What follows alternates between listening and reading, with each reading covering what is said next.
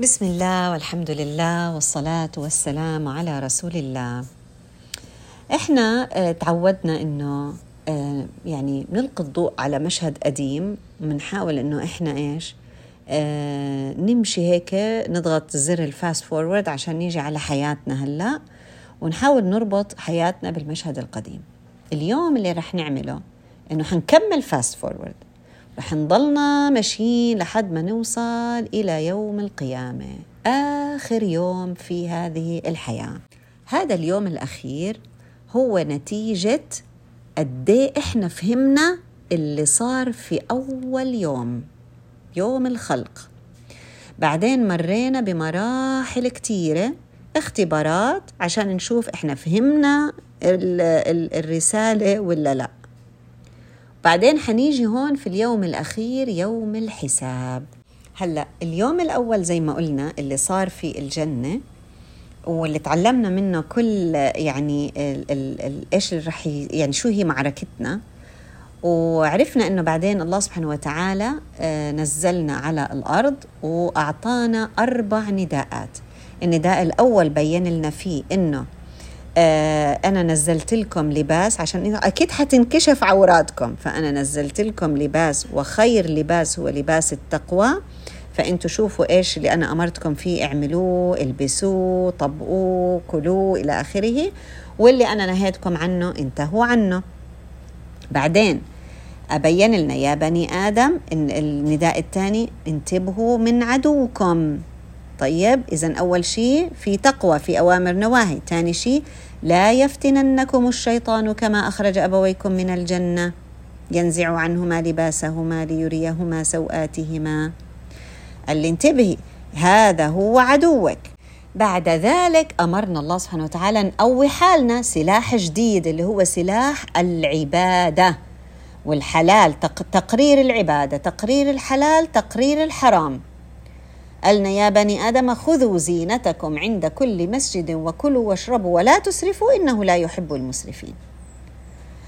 آخر نداء كان يا بني آدم اللي هي تقرير الشرائع اللي هي إيش؟ العلم عاد اللي بدنا تبين لنا فيه الله سبحانه وتعالى افعل ولا تفعل. إذا شو الفرق بينها وبين يا آد... بني آدم قد أنزلنا عليكم لباسا؟ لباسا اللي هي الأدوات. هون بين لي إيش؟ إما يأتينكم رسل منكم يقصون عليكم آياتي. إذا في إيش؟ في عنا علم في عنا شرائع. أتت عن طريق مين؟ عن طريق الرسل. طيب إحنا كيف بده يكون استجابتنا إلها؟ شوفوا كيف الآيات. فمن اتقى وأصلح. يا الله يا الله. يا جماعة والله يعني يعني كلمات انتقاء الكلمات جل جلاله. شوفوا إيش يعني اتقى؟ يعني كان عنده تقوى. شوفوا كيف قديش عم تتكرر كلمة التقوى. إحنا شو مطلوب منا؟ إيش مطلوب منا؟ من اتقى وأصلح. إيش يعني أصلح؟ يعني في إشي رح يكون خربان وبده يصلحه. يعني في معاصي رح يعملها. إذا هو بده يتقي إنه يحاول يعمل ال ال الأوامر ويبتعد عن النواهي لكن ممكن يوقع ممكن يشوكه. في شوك في أرض فيها شوك. فبده ينتبه صحيح انت بدك تتقي انك انت تتشوك لكن ممكن تتشوك فانت بعد ما تتشوك بدك تصلح الغلط اللي عملته. فمن اتقى وأصلح هدول إيش جزائهم لا خوف عليهم ولا هم يحزنون.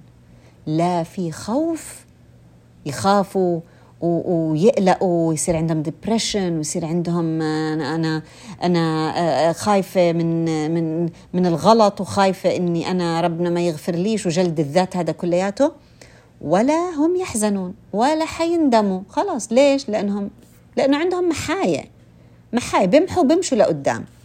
والذين شوفوا شوفوا كمان اختيار الكلمات يا جماعة. والذين كذبوا بآياتنا واستكبروا عنها.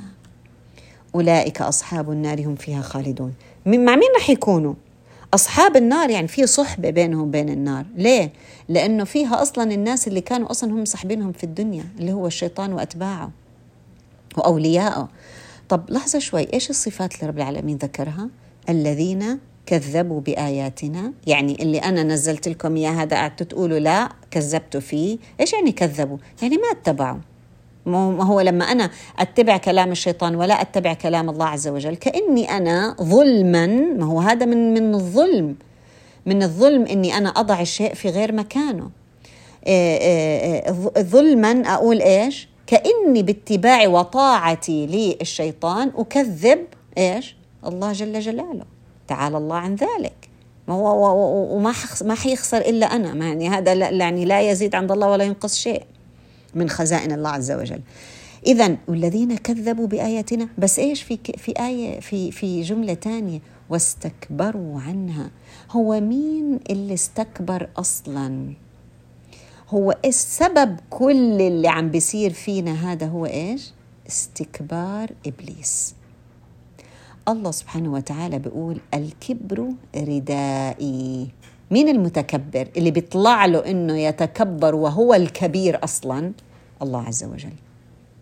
اللي بيجي بيلبس هذا الرداء ويستكبر يعني بتظاهر إنه هو كبير لكن هو مش كبير لأنه الكبير هو الله. هذا اللي بي اللي بيلبس لباس أو رداء الكبر لأنه إحنا بنعرف إنه لا يدخل الجنة من كان في قلبه مثقال ذرة من كبر. ما في لا يدخلها متكبر.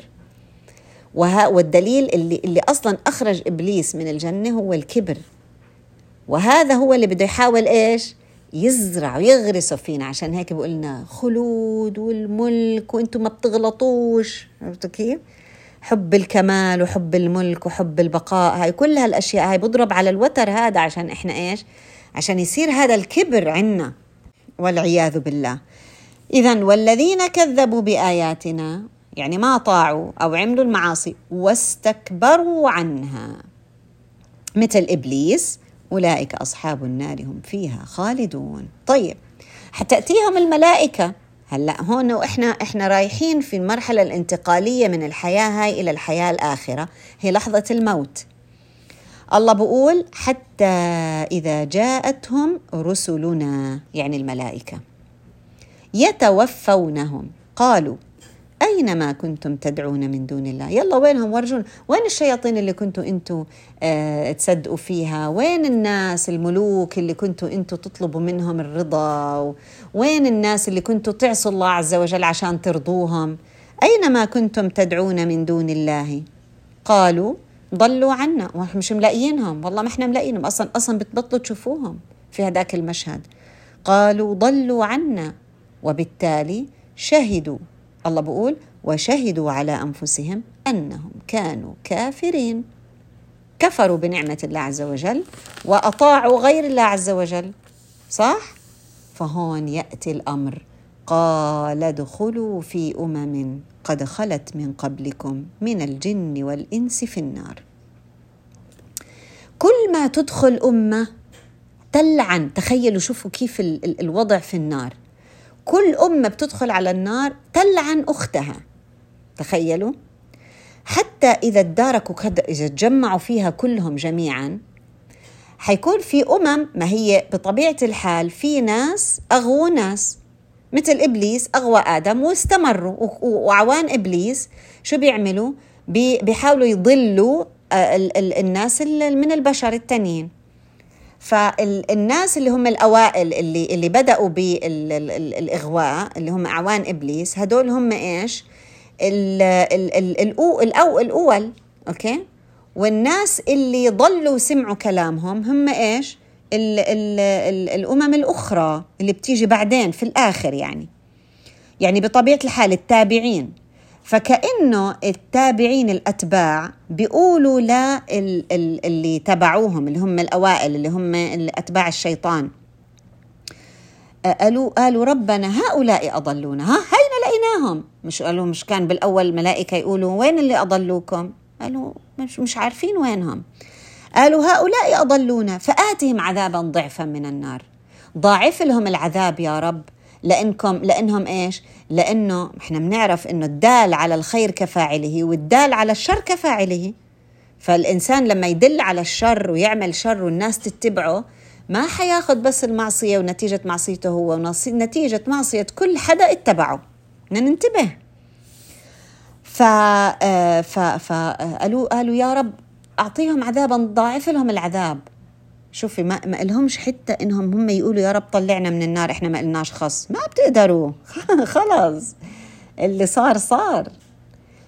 بس هم إيش؟ بدهم الله يضاعف العذاب للناس اللي أغووهم. فقال الله عز وجل قال لكل ضعف ولكن لا تعلمون. ما تفكروا حالكم إنكم أنتم أفضل منهم. لكل ضعف. كل واحد في له إيش؟ في له أضعاف مضاعفة من العذاب بسبب طبعا يعلمه الله سبحانه وتعالى وبسبب مضاعفة هذه المعاصي وتراكمها على بعضها البعض. طيب لا مش بس هيك حييجوا الناس اللي أغووا اللي هم ابتداء الأوائل. يقولوا لمين؟ للناس اللي اتبعوهم. فما كان لكم علينا من فضل فذوقوا العذاب بما كنتم تكسبون. يعني لا تفكروا حالكم إنكم أحسن منا. ذوقوا العذاب نتيجة إيش؟ الأعمال والمعاصي اللي اكتسبتوها. يعني شوف إحنا بنستخدم كلمة مكسب لما الإنسان يربح. هون بينوا لهم كأنه الإنسان كأنهم هم بمعاصيهم اكتسبوا استهزاء. اكتسبوا هاي المنزلة من النار بسبب المعاصي. يعني كأنهم كانوا عم يشتروا منزلتهم في النار بسبب المعاصي اللي كانوا هم يعملوها. بس هاي بتدلنا على إيش؟ بتدلنا إنها كانت مع سبق الإصرار والترصد. اكتساب. ما هم عارفين إنها غلط. صح؟ مش بيجيبوا لهم الشيطان. أنا ما أمر ما شو دخلني أنا؟ أنا أمرتكم فاستجبتم لي. فلا تلوموني ولوموا أنفسكم. أنتم اللي اكتسبتوا هذه المعاصي. أنا مالي. أنا أغويتكم. طيب والمشهد الثاني. الذين آمنوا. شوفوا الفرق. شوفوا الفرق الله كيف بوصفهم ونزعنا ما في صدورهم من غل ما في غل. هناك بلعن تلعن كل أمة أختها. هون الصدور ما فيش فيها غل سبحان الله. طب إيش بيعملوا؟ تجري من تحتهم الأنهار لأنهم استحقوها من تحتهم الأنهار بتكون تكريما لهم هم فوق لأنهم. وقالوا الحمد لله ما هم أصلا؟ كانوا يقولوا الحمد لله يا جماعة. يا جماعة في أذكار الصباح والمساء مئة مرة بنقول سبحان الله وبحمده. سبحان الله العظيم. سبحان الله وبحمده. عدد خلقه ورضا نفسه وزنة عرشه ومداد كلماته. يا سلام. يا سلام يعني يعني حتى يبلغ الحمد منتهاه يا رب بنحمدك. هاي بنقولها إحنا ثلاث مرات بنقول سبحان الله وبحمده عدد خلقه ورضا نفسه وزنة عرشه ومداد كلماته وبنقول مئة مرة سبحان الله وبحمده سبحان الله وبحمده. ليه؟ منسبح وننزه الله سبحانه وتعالى ونحمده. تعظيم وحمد على النعم تعظيم وتنزيه وحمد على النعم. أربطوها في هذه الآيات. ما هو إحنا متعودين. قالوا الحمد لله الذي هدانا لهذا. هذا المكان اللي إحنا قاعدين فيه هذا شوفي حتى وهم قاعدين ما قالوا إحنا استحقينا هذه المنزلة بأعمالنا.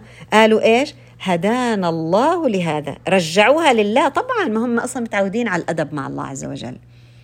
وما كنا لنهتدي. لولا أن هدانا الله. شوفوا التأكيد والتعظيم لله عز وجل.